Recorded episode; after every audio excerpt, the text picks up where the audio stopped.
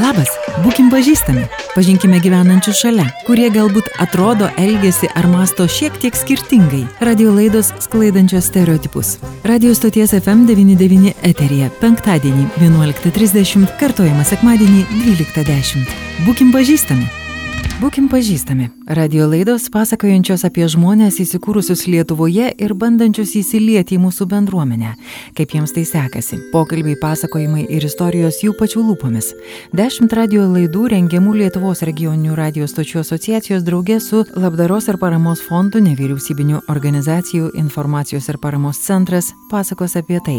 Šiandien susipažįstame su Richardu, kuris pats tiesiogiai dirba su į Lietuvą atvykusiais ir čia ieškančiais savo vietos žmonėmis žmonėmis daugiau kaip dešimtmetį nuo 2011-ųjų. Kas ir iš kur atvyksta į Lietuvą ir ką čia nori veikti, kaip sekasi įsikurti, kodėl verslą kurti Lietuvoje sako daug geriau nei kitur. Ar dėl to atvykstančiųjų per dešimtmetį padaugėjo daugiau nei dvigubai, neskaičiuojant karo pabėgėlių, kurių nuo vasario 24-osios atvyko daugiau kaip 50 tūkstančių. Apie visą tai šiandien pokalbėje su Richardu Diržiu. Svečiai, kaimynai ar savi savo namuose. Kaip jaučiasi žmonės atkeliavę iš svetur ir įsikūrę Lietuvoje, kaip mes juos priimam ir kaip patys jaučiame šalia. Apie tai šiandien kalbame su Richardu Diržiu, projekto Būkime pažįstami bendrautoriumi. Sveiki, Richardai, ir būkime pažįstami. Sveiki, būkime.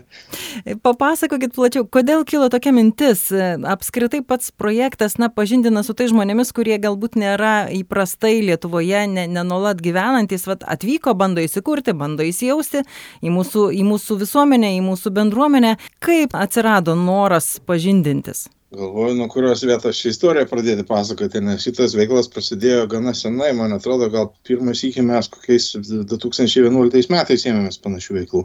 Tai viena iš priežasčių buvo, kad mes tuo metu bandėme suburti nevyriausybinės organizacijas į bendrą nacionalinę koaliciją ir norėjome, kad koalicijoje būtų atstovavimas visos viešosios rytis. Ir kaip tik toje srityje apie užsieniečių integraciją Lietuvoje mes neradome jokių veikiančių organizacijų. Tai tokia mintis atėjo vien dėl to. Ėmėmės patys iniciatyvos, patys sugalvojom, ką čia verta būtų daryti, tada pasiaiškinom, kokia yra situacija ir ėmėmės veiklos. Tai galiu šiek tiek net statistiškai pasakyti, kaip situacija pasikeitė, jei įdomu. Taip. Nes pasikeitė kardinaliai, nes kai mes ėmėmės pirmas į kitos veiklos, tai Lietuvoje ne ES piliečių turinčių teisę laikinai ar ilgalaikį leidimą gyventi Lietuvoje buvo mažiau negu 40 tūkstančių. Šių metų sausio mėnesį tas skaičius pasiekė 100 tūkstančių. Dar linksmiau yra su ukrainiečiais. Nuo vasario 24 iki šiandien mes turime, specialiai atsidariau, pasižiūrėti 58,837 vien tik ukrainiečius ir vien tik nuo vasario 24. Tas reiškia, kad dar reikia pridėti 100 tūkstančių kitų. Tarp tų 100 tūkstančių be abejo taip pat yra ukrainiečių ir beje, jie sudarė vieną didžiausių dalių nes mhm. ukrainiečių atvažiavimas į Lietuvą buvo populiarus ir iki karo. Bet, vat, sakykime, jei per 10 metų 11 Lietuvoje padaugėjo šiek tiek daugiau nei 60 tūkstančių užsienio gyventojų, tai per pastaruosius nepilnus keturis mėnesius mes beveik 60 tūkstančių naujų gyventojų turim iš Ukrainos. Vos ne antra tiek, kaip, kaip daugėjo per tos 10 metų. Iš tiesų, tai tikriausiai prie to veda ir gerėjanti na, ekonominė situacija Lietuvoje tikėtina, ar ne, kad tos treči, trečiųjų šalių piliečiai vis dėlto dažnai atvažiuoja dėl tų priežasčių, ar dėl kokių, iš kur daugiau, vat ukrainiečiai viskas aišku, ypatingai dabartinis tas jų didėjimas, bet e, iš kur kitur važiuoja žmonės? A, pasakyčiau, kad a, ir pasakysiu priežastį, dėl ko važiuoja Lietuva iš karto tai pasakydamas. Pasakyčiau, kad didžioji dauguma, ne, negalėčiau prisiekti, kad procentas labai tikslus, bet mano, mano, mano įsivaizdavimu tai beveik 80 procentų visų užsieniečių yra studentai. Šnekant apie tuos naujuosius ukrainiečius, tai, tai, tai yra karo pabėgėliai, tai visai atskira kategorija. Bet jeigu šnekėti apie tą 100 tūkstančių, tai didžioji dalis yra būtent studentai. Kitigi gali būti dėl darbo galimybių ar karjeros galimybių.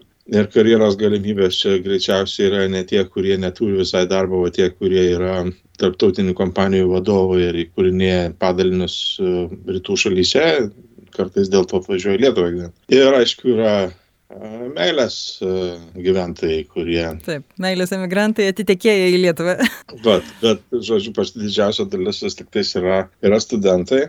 Yra tokių, kurie bando kurti verslą, pažįstu keletą tokių, vieną tokį tokią pažįstu, sakau, kodėl tu pasirinkai Lietuvą kaip šalį verslui, kur sakė, tu neįsivaizduoji, kokios čia geros sąlygos verslui, sako, kaip, sakau, galima tavim tikėti. Tu, sako, nuvažiuok į Turkiją, pabandyk padaryti verslą ir grįžę suprasi, kaip čia gerai. Na taip, turbūt čia visada va, tas ir yra, ar ne, su kuo lygini. Ja. Kai mes visada stengiamės su kuo nors ten estais ar, ar vokiečiais lygintis, tai kartais koks nors tas palyginimas gal ir ne mūsų naudai, bet jeigu tu pažiūrė į tas trečiasias šalis, iš kur žmonės ir atvažiuoja, tai visai kitokia situacija. Beje, tikslas yra e, ir, ir viso šito veiksmo jūsų yra sklaidyti stereotipus. Kokie jie yra, ką reikia sklaidyti?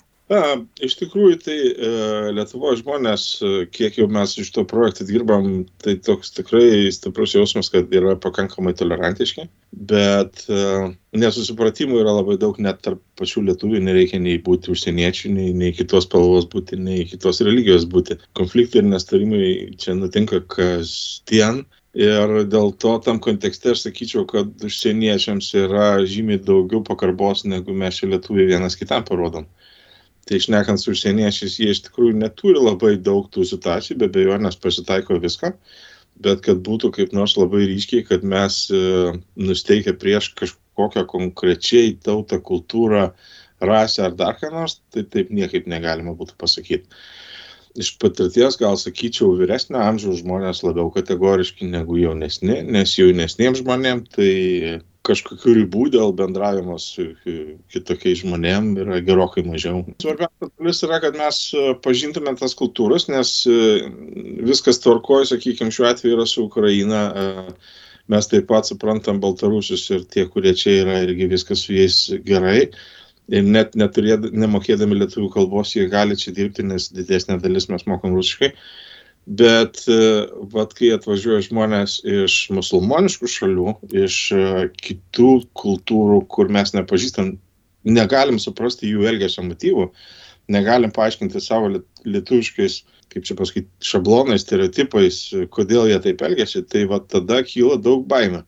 Ir, sakykime, Lietuvoje teroristinių atvejų kaip ir nebuvo, bet šnekant su žmonėmis, vis tik tais didžioji dauguma uh, kritiškai nusteikia būtent musulmonų atžvilgių. Yra tos, tos, tos tokios nepagristos baimės, tolerancija pakankamai didelė, niekas jų neužgaulioja, niekas jų niekaip ne, ne, ne, nepuola, bet uh, viduje turi tokį nerimą. Tai vat, noras, kad geriau pažintume ir suprastume, uh, ir tada, tada nėra tos baimės tokios didelės. Iš tiesų, dažniausiai bijom to, ko, ko nepažįstame. Ir e, tie žmonės irgi galbūt atrodo kiek kitaip. Lietuva visą laiką, na, tradiciškai, mes netgi su savo kaimynais, lyginant Latvijais ar, ar Estais, esam labai tokia lietuviška valstybė.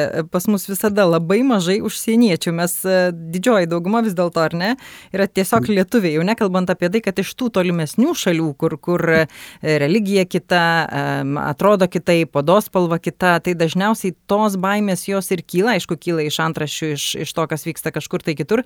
Ir um, kai nepažįstam, dažniausiai ir girdim tik tos blogus dalykus. Nes tų gerų istorijų apie kitos rasės, kitos kalbos, kitos religijos žmonės netiek daug mus pasiekė, nes kaip ir na, aplinkui nebuvo, poreikio nebuvo, o vad blogas naujienos jos greit ateina. Būtent, būtent. Vienas iš projekto tikslų yra, mes e, važiuojam tiesiogiai, renkam žmonės ir bendraujam su jais, įsivežam tuos, e, tuos asmenys gyvenančius čia Lietuvoje iš užsienio šalių, kad jie galėtų tiesiogiai paklausti, uh, iš tikrųjų būna net tokių atvejų, kad žmonės net pačiupinėti nori, pavyzdžiui, juodaodį ar, ar, ar ten kažkokį garbanotą labai žmogų. Bet uh, būtent e, reikalingos dar ir istorijos, tos pozityviosios, nes žiniasklaida rašo tik jeigu kažkas jau nutinka negero. Taip, ir dar antraštai tai, paminė tautybę dažnai. jo, jo, jo. Tai mes dėl to esame parengę 10 video interviu, kuriuos e, skleidėm beros 15 minučių. Dėjome viską į Facebooką, būkim pažįstami, taip pat galim rasti. Taip pat e, kalbinam žmonės ir, ir, ir ėmėm interviu raštu ir, ir taip pat publikavom, tai va, darom viską, kad žmonės kaip įmanoma daugiau gautų tos pozityvios informacijos apie tai, kaip gyvena užsieniečiai Lietuvoje. Ten kaip tik apie tai, kaip įsikūrė, kaip gyvena, dėl ko atsirado Lietuvoje ir panašus dalykai. Iš tiesų, e, Richardai, tai ir pirmoji mūsų, mūsų kartu vykdoma radio laidų projekto, būkim pažįstami laida ir, ir per tą dešimtį mes irgi bandysim pažindinti ir šiek tiek papasakoti apie tos žmonės, kurie yra, jau yra tarp mūsų, nors gal mes ir nesam pripratę prie jų tokių, kaip jie atrodo, ar kaip elgesi, ar galbūt ir, ir kaip, kaip masto, bet ne, ne, kitaip nereiškia blogiau. Kitaip tai reiškia tiesiog reikia susipažinti. Tai ačiū Jums šiandien labai už pokalbį. Ačiū Jums labai. Mūsų svečias buvo Richardas Diržys, projektą būkim pažįstami bendrautorius autorius. Projektas Būkim pažįstami bendrai finansuojamas iš prieglopščio migracijos ir integracijos fondo 2014-2020 metų nacionalinės programos lėšų. Būkim pažįstami. Bonjour! Labas, būkim pažįstami. Pažinkime gyvenančius šalia, kurie galbūt atrodo, elgesi ar masto šiek tiek skirtingai. Radio laidos sklaidančios stereotipus. Radio stoties FM99 eterija penktadienį 11.30, kartojama sekmadienį 12.10. Būkim pažįstami.